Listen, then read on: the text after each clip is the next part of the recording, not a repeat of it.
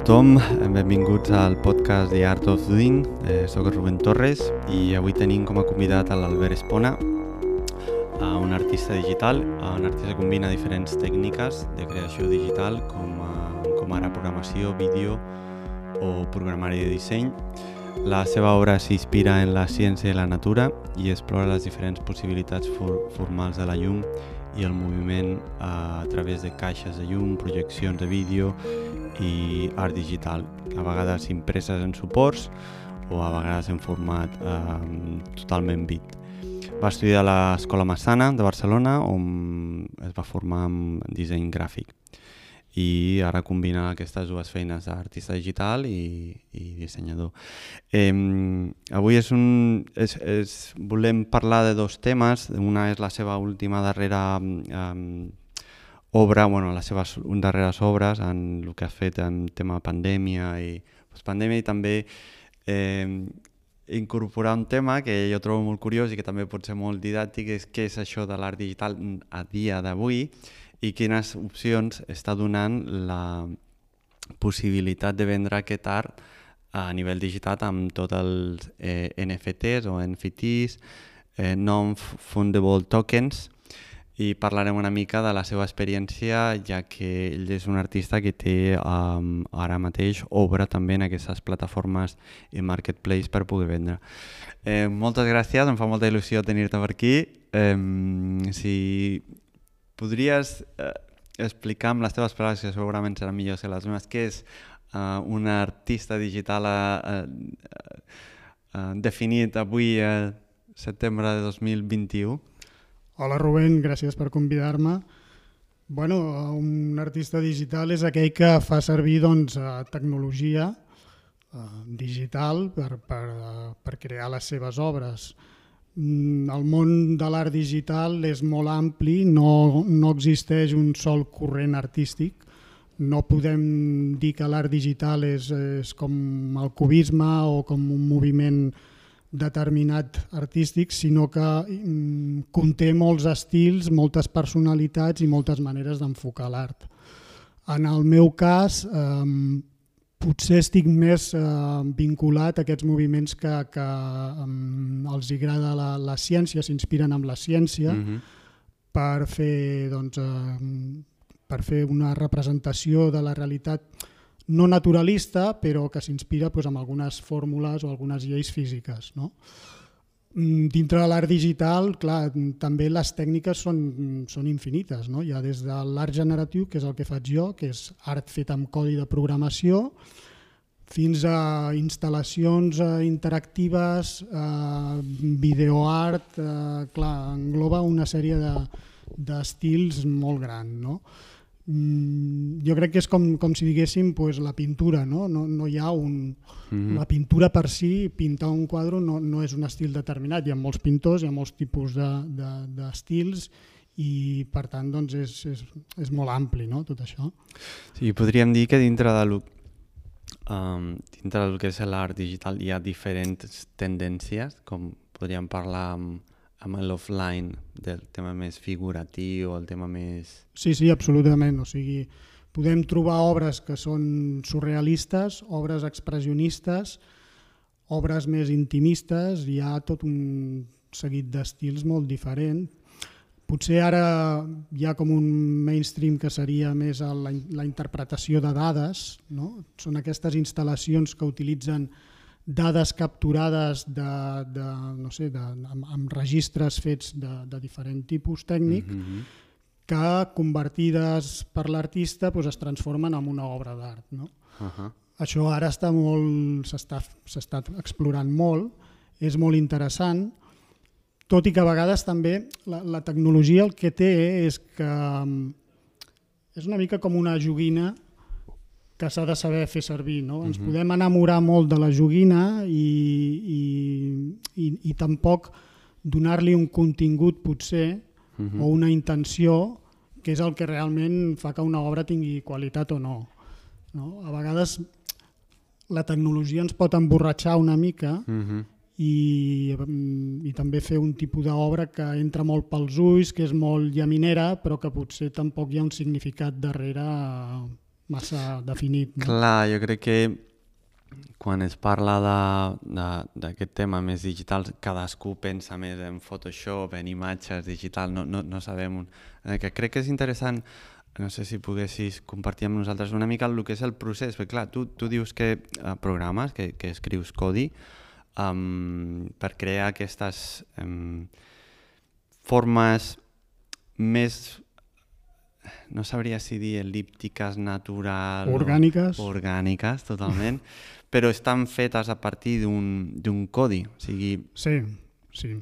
Aquest codi és, eh, clar, tal com jo ho entenc, és, és també peça única en aquest sentit a l'hora de poder... Podria ser-ho, sí.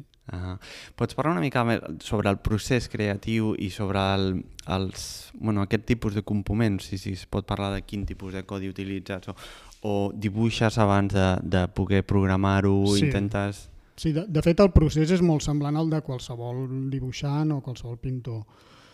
Començo amb una idea eh, sobre el paper, dibuixant, la majoria de vegades, perquè també el, el treball amb ordinador, com, com estem dient, és molt, és molt potent, però uh -huh. també et pot, um, et pot fer perdre molt, també. O sigui, pot confondre't molt amb moltes opcions. Hi ha tantes tantes varietats d'eines de, de, i de funcions que podries una mica despistar-te. No? Llavors uh -huh. és mhm. bo, des d'un principi, tenir la idea una mica clara del que vols fer. Per això m'agrada dibuixar sobre el paper al principi. Uh -huh. no? Tot i que després, quan comences a treballar i introdueixes, o sigui, intentes que, que passar una sèrie d'instruccions a l'ordinador uh -huh.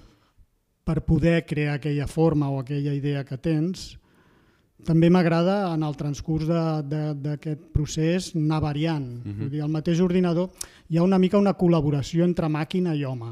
No? Uh -huh. o sigui, per una banda hi ha la teva intenció, però per l'altra també hi ha l'atzar, que això també en, en el món de, de, de l'art és, un, és un factor que existeix. L'artista quan llença segons quines, quins drippings o segons quin tipus de, de, de, de pintura fas servir i quin uh -huh. paper o quin material, l'atzar també et proporciona a vegades sorpreses que, que t'inspiren per fer coses diferents. No? Mm -hmm. Llavors també m'agrada que, que donar un cert marge d'aleatorietat en el, en el codi perquè l'ordinador també faci coses. No? I a vegades és un, és un diàleg mm. a partir de la teva idea surten coses que dius, hòstia, això um, està molt bé, no? ho puc aprofitar per una altra cosa o, o li dono la volta. O... Llavors, eh, bueno, és un procés que parteix del, del dibuix, que analitzes com, com has creat aquell dibuix uh mhm. -huh. i passes aquestes instruccions a l'ordinador. Clar, podríeu dir, bueno, i per què, quina necessitat hi ha de, de passar-ho a l'ordinador? La qüestió és que l'ordinador és una eina molt potent. Sigui, és un pinzell, però un pinzell molt potent, que permet fer un tipus de formes, com deies, orgàniques, uh -huh eh, fent servir doncs, alguns patrons de la, de la naturalesa, de la natura, fent servir algunes fórmules matemàtiques i això amb, amb un pinzell és molt complicat de fer. No? O sigui, crees, jo crec que es pot crear un tipus d'estètica de, de, i de formes que són diferents a les que pot fer un, un pintor.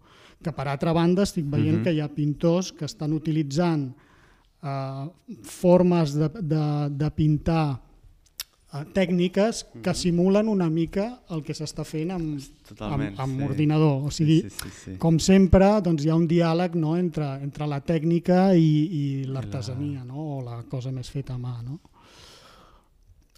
D'alguna manera, el, el fet de, com et deia, de traduir el, que, el dibuix que estàs fent, donar-li unes instruccions a un ordinador perquè ho implementi, uh mhm. -huh. és una forma d'analitzar el mateix procés de, de dibuixar no? perquè doncs, si mous la, el canell d'una manera i fas un radi, uh mhm. -huh. aquest radi és, eh, és, pots fer un, un seno, un coseno, pots, pots treballar uh mhm. -huh. tot el que és un desplaçament d'una forma a partir doncs, d'aquests doncs, moviments. No?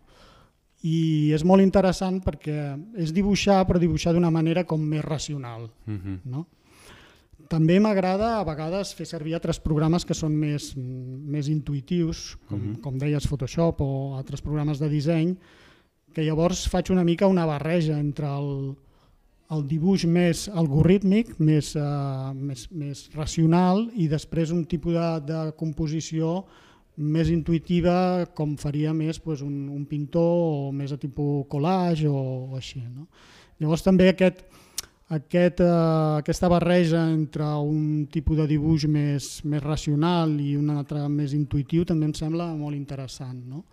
Perquè també la natura és, és una mica així, o sigui, hi ha aquesta part més, més matemàtica mm -hmm. i després hi ha una part d'atzar incontrolable que, que existeix i que, i que també doncs, eh, també està bé incorporar a l'obra. No? Molt interessant.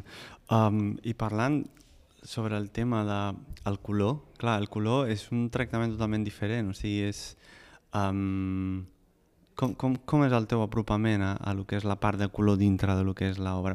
Tens una part um, més blanc i negre d'obra en, aquest, en algunes sèries, però aquesta última part del teu cos d'obra he vist com una introducció més de, de, de color, una mica més...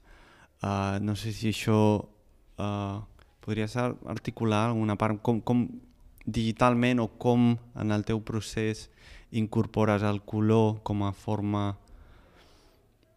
Sí, uh, al principi uh, treballava en monocrom perquè m'interessava molt la forma per se, no? i llavors pensava que el color podia distreure del que era la, la intenció del, del dibuix. No?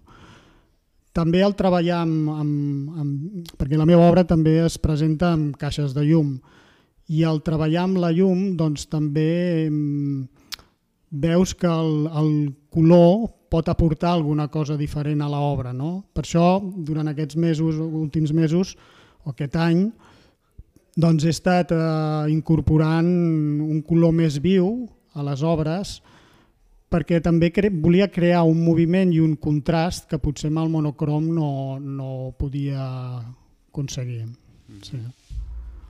De fet, a mi el, una de, la, el que, el que m'inspira o el que voldria transmetre sobretot és un treball amb la llum i el moviment. No? Penso que són elements que, que donen dinamisme i que donen vida a l'obra. No? Uh -huh. Ja com, per mi l'obra no és un, un objecte acabat, sinó uh -huh. que és més un registre d'un procés. No? És, eh, és un procés obert i que està, doncs, que és dinàmic. No? Clar, igual no ho he explicat uh, de manera correcta, perquè clar, estem parlant sobre com si fos una imatge estàtica, però Albert crea el que és vídeo, video art També, en aquest sí. aspecte. Aleshores, sí. um, es pot veure que algunes obres teves és la generació de tota aquesta obra des d'un inici a com va... No sabria com explicar-ho sense tenir una imatge. No sé si una, la gent coneix MATLAB o aquests programes de, que van generant el que és tota aquesta, aquesta programació i crec que això és molt interessant també dintre del que és eh, no només imaginar una, una, una imatge estàtica digital, sinó veure com eh, a, a través d'aquest codi va programant i va desenvolupant tota la dinàmica. Aquí jo em faig un esforç, perquè algun, tinc algunes obres teves en, en, en exhibició, doncs sí que faig un esforç de, de quan ve algun, algun client o eh, d'estar amb l'iPad o amb el telèfon per poder ensenyar doncs, bueno, que veure tot el procés, perquè al vegades veus la imatge estàtica i aleshores dius, mira, sí, aquest és un artista digital que desenvolupa el seu codi per poder crear aquestes formes més naturals, més orgàniques, i aleshores trec el mòbil i veig pues, tota l'animació de 10-15 segons o que tens alguna de les peces, però clar, això no, no, no sé si podries, bueno, també una forma, una forma de, de poder delimitar-ho com, a, com a obra d'art, el que és aquest vídeo en si. Sí, sí, sí, és una altra forma de presentar la, les meves obres, no? Com, com diem, doncs, aquest m'interessa molt aquest pas que hi ha entre tot el que és immaterial i el que és material. Aleshores, m'agrada molt construir les formes i que es vegi com es construeixen, no? com si estiguessin naixent uh mhm. -huh. del no-res, que és una mica doncs, el, el que és la natura. No? I, i llavors a, a través de, de sobre, superposició de dibuixos en aquests vídeos que comentaves uh mhm. -huh. són, són di, dibuixos fets independentment uh mhm. -huh. que van seguint una gradació que es van sobreposant i quasi imperceptiblement van creant la forma no? És una mica com si, amb la idea de, de doncs, no sé, com si les partícules, els electrons, a poc a poc, d'un món eh, immaterial sutil, eh, van creant una forma, van creant la matèria i creen el nostre món macro, mm -hmm. que és el que vivim cada dia. No?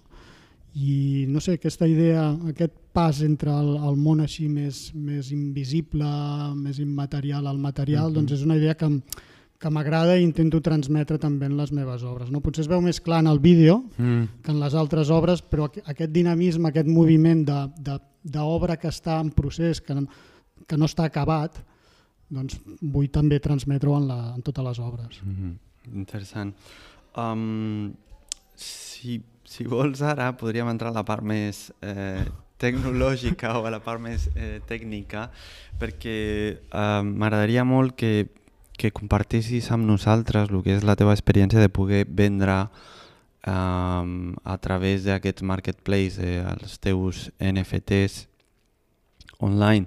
Aleshores, eh, aleshores, ara començarem a parlar d'alguns alguns termes, com és el, el wallet, eh, la criptomoneda, tot i que crec que aquest, er, aquest terme és un error garrafal molt lleig. de tota la història. Jo crec que aquest, ens arrepentirem d'haver-li posat aquest nom sí, sembla. perquè crec que ho fa molt, uh, molt fosc tot sí. el que és i és tot el contrari. Eh, parlarem de blockchain, amb, amb, amb un nivell de que ho he d'entendre jo, aleshores jo crec que ho entendrà tothom. Però bueno, eh, jo he estat fent els meus... Um, perquè tinc alguns artistes com tu que um, vull incorporar el que és el, a la col·lecció que tindrem sí. de la galeria mm. a, en el cas, en el nostre cas, el que és OpenSea, que és el marketplace, sí. un dels més grans, que sí. per no dir el més gran, eh, on tindrem la nostra col·lecció. Eh, però bueno, voldria que compartissis el que és la teva experiència, um, ja que tu directament has estat tenint el tracte amb els teus compradors, uh, coses que poguessis remarcar de, de que poguessin ser d'utilitat per, per altres artistes, o bueno, explicar una mica la teva, la teva um, experiència i bueno, veure una mica fins on arriba aquesta conversa, com, com, com realment s'està pivotant tot Ara estava mirant i crec que hi ha més de 6 milions d'obres d'art a, a OpenSea, sí. que, és, que és molt interessant veure com uh, els artistes en un cas poden parlar directament amb els seus um, compradors, col·leccionistes i veure una mica com evoluciona, com van ve aquesta traçabilitat a través del blockchain, que són els nusos que donen una mica aquesta seguretat entre, entre punts crec que saps tu més que jo en aquest aspecte. Sí, bueno, uh, el, els NFTs uh, volen dir Non-Fungible Tokens, um, ve a dir la traducció que són objectes únics, uh. -huh. no intercanviables. Uh, bàsicament és un arxiu digital que està en el núvol, que té associat un certificat que, uh, on s'ha registrat l'autoria i la propietat d'aquest arxiu digital. Val? Aquesta, aquest registre està descentralitzat, és a dir, està en molts ordinadors, en molts servidors arreu del món. Uh, llavors, uh, bueno, uh, què, què comporta? Doncs comporta un, un control més gran del que seria l'autoria d'una obra i, i també doncs, la, la, la propietat d'aquesta obra. No? La traçabilitat. La traçabilitat, mm -hmm. sí aquests arxius digitals pot ser una obra d'art digital o pot ser un tuit o pot ser tot el que es pugui escanejar. No? Uh mhm. -huh. I bueno, eh, jo començo a... Diguéssim que l'art digital té, té o tenia un hàndicap de confiança, no? perquè vulguis que no, eh, el, el col·leccionista pensa que un, una obra d'art digital pot ser reproduïda molts cops no? Com certifiquem que allò que compres té més còpies o no en té? No? Uh mhm. -huh. Per altra banda, també hi ha un tema doncs, de, de d'obsolescència de segons uh, quins, quines obres digitals, uh mhm. -huh. d'immaterialitat, no? i d'alguna manera això dels NFTs ve a, a revaloritzar l'art digital i a donar-li un, un, una qualitat o una consistència, una confiança que abans potser el, el, el col·leccionista no podia tenir. No? Mm -hmm. Perquè en aquest moment sí que tu pots fer un, com he fet jo, pots vendre obra i mm, donar un certificat al comprador de que, de que són 10 edicions, per exemple, d'un print. No? Mm -hmm. Però sempre li pot quedar el dubte de dir, bueno, però aquest tio té l'arxiu digital i pot fer el que vulgui. No? Mm -hmm. D'aquesta manera, amb els NFTs, queda perfectament registrat que allò és teu, que hi ha un número de còpies determinat, i després en el mateix contracte aquest pot haver-hi altres especificacions que el mateix artista pot determinar. No? Per exemple, doncs, que no vol segones vendes d'aquella obra Mm -hmm. o que, o que amb, amb aquell NFT va associat també una obra física que li enviarà al, al client. Tot, totes aquestes instruccions poden anar també en aquest, en aquest contracte. No? I, bueno, penso que ha estat per molts artistes digitals una forma de cop i volta de poder-se guanyar la vida Mhm. molt bé. No? Uh, en el meu cas, jo mm, a partir d'un directe del Joshua Davis, que és, és un artista digital, me n'entero que existeix això fa menys d'un any i començo a estirar el fil i el, a la setmana o així va haver-hi la superventa aquella de Christie's de, Mhm. de Mike Wickelman Mm -hmm. Per 70 milions de dòlars, em sembla, més o menys. Mm -hmm. I començo doncs, a, a, a, a intentar entendre com funciona aquest món, que al principi doncs, és com una bogeria molt complicat. No? Mm -hmm. Com deies, doncs, has de, has de fer-te amb un wallet, Mm -hmm. una cartera digital on, eh, on has de dipositar les teves criptomonedes i evidentment has de comprar criptomoneda amb una plataforma de canvi que Mm. pot ser Coinbase o qualsevol altra, on et canvien doncs, la, la moneda de curs legal per, per aquesta, altra, aquesta altra moneda. No? I aleshores, doncs, jo- en el meu cas vaig triar la plataforma Hicketnunk, que és una plataforma, diguéssim, green, eh, ecològica, perquè fa servir doncs, el que se'n diu la, la proof of stake, que és un, un tipus de procés que no consumeix tanta energia com altres plataformes, Mm. perquè això també, tot el món de, de l'NFT ha comportat un debat sobre el, el, la despesa energètica Mm, que, que, mhm. que produeix. No?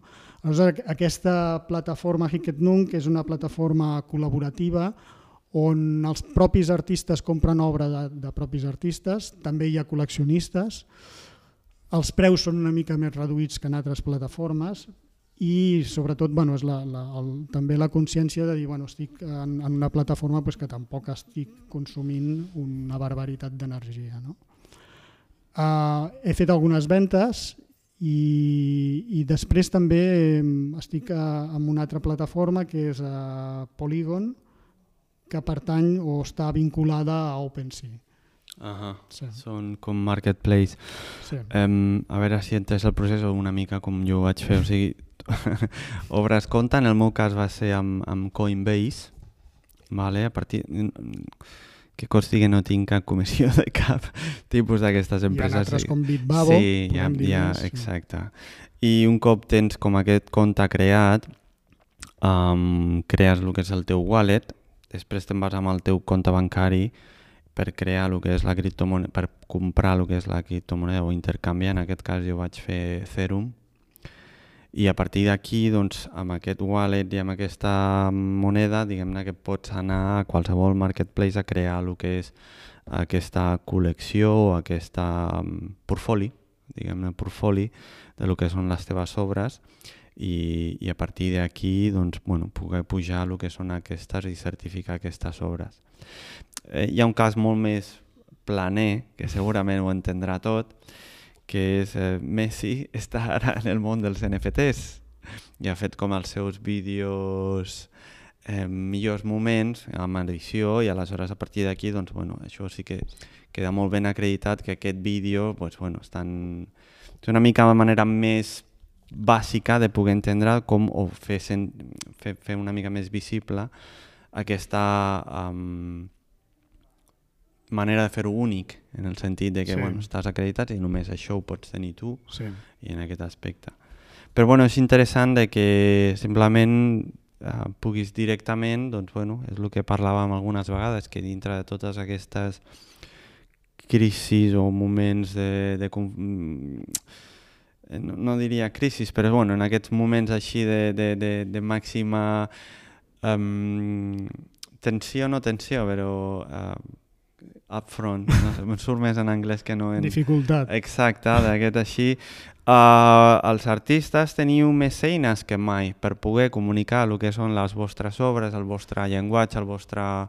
I això és interessant, veure una mica de si, si passem i fem un recompte del que fèiem que fa 15 anys, 20 o, o 10, o sigui, ara per ara el que són els artistes teniu com més eines per poder comunicar, no en el teu cas només, sinó en el tema que és el teu més digital, que que comporta un, un encara més eh, vas a un mercat doncs, bueno, que està creixent, que creixerà, però bueno, que és més, eh, menys um, comú que no el, el, el de la pintura, potser. Però bueno, eh, jo crec que és interessant explicar el que és la teva experiència, veure que estàs en marxa, que estàs venent en aquest aspecte i que bueno, dintre del que està passant doncs, bueno, surten diferents eines i està molt bé que estigueu utilitzant aquestes oportunitats. Sí, uh, l'únic problema és que um, diguéssim que la, la, la quantitat d'obra que es pot trobar en aquests llocs és immensa.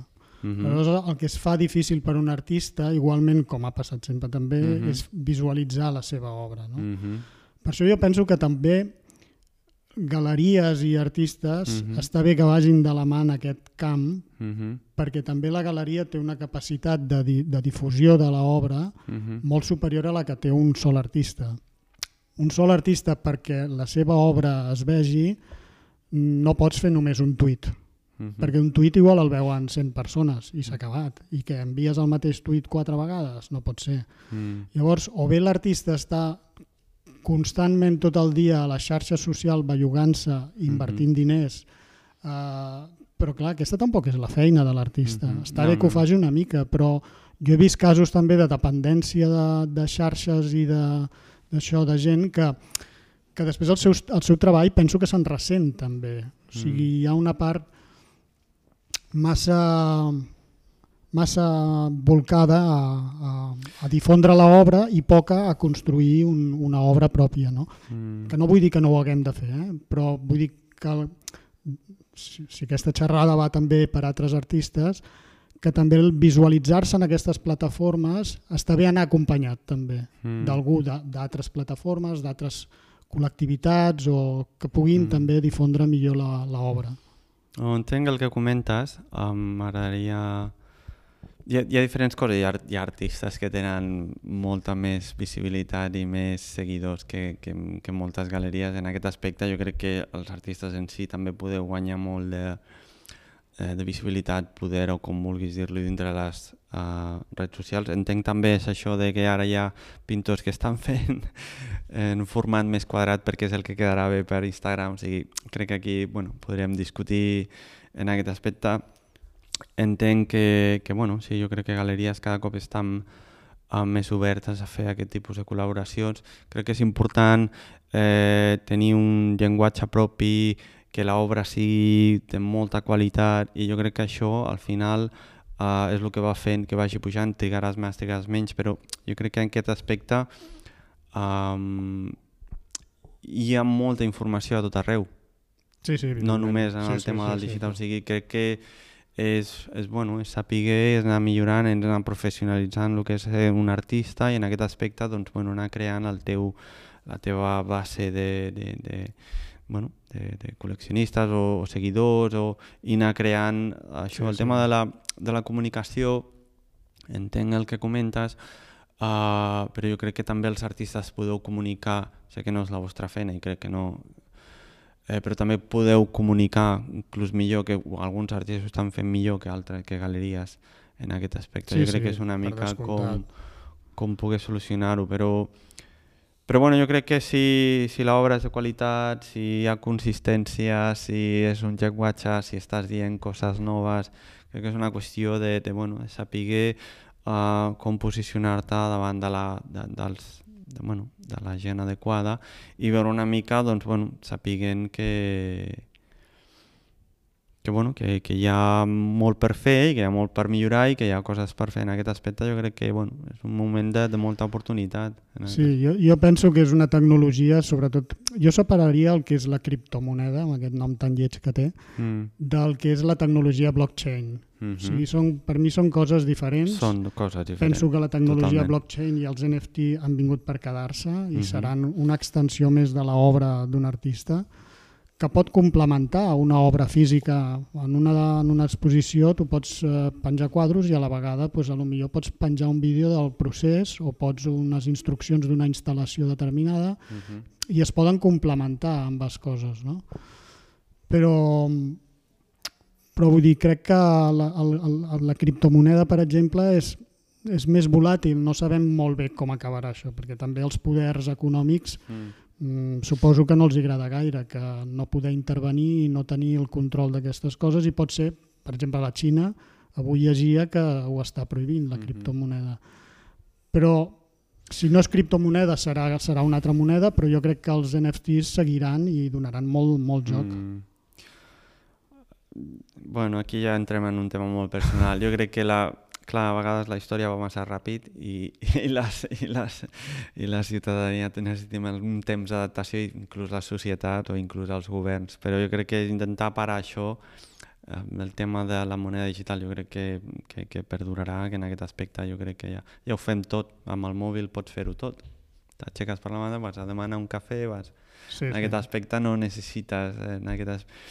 eh, però bueno, sí que entenc que, que clar, és, és, ha, mm, clar, és un model molt startup. En aquest aspecte, eh, quan les startups o aquests models són tan trencadors, és molt difícil assimilar-ho. No? Què passa?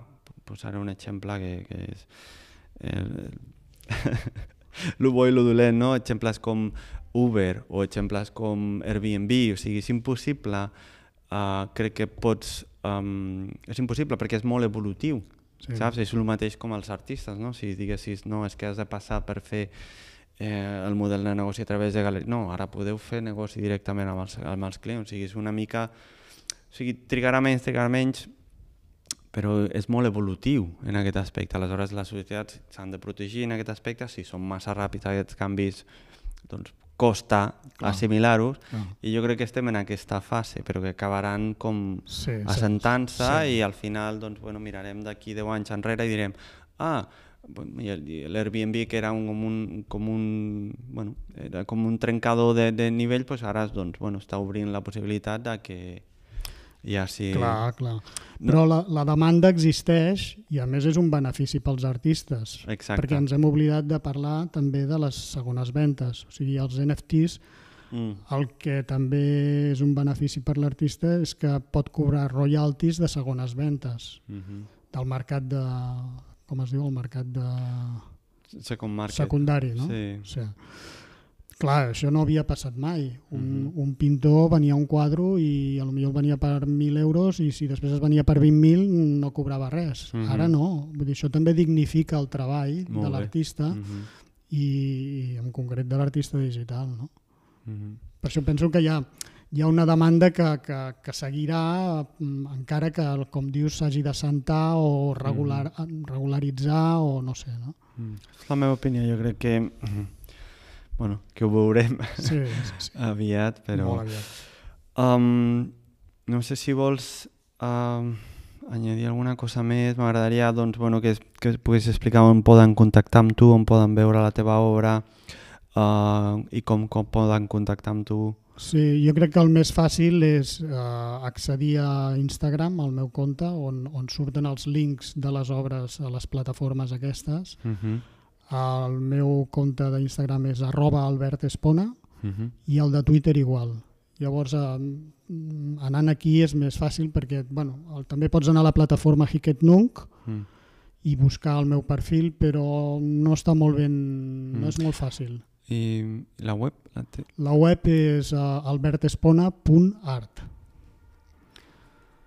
Perfecte, doncs bueno, ja ho sabeu, si teniu algun... Nosaltres en aquest podcast um, a la pàgina web, el link que incluirem, veure una mica tot Uh, és difícil explicar en paraules una mica uh, les imatges, les teu, el teu... però tindreu aquí alguns exemples i bueno, donar-te les gràcies per compartir aquest temps amb, amb nosaltres i fins la propera. Molt bé, gràcies Rubén per convidar-me. Fins la propera.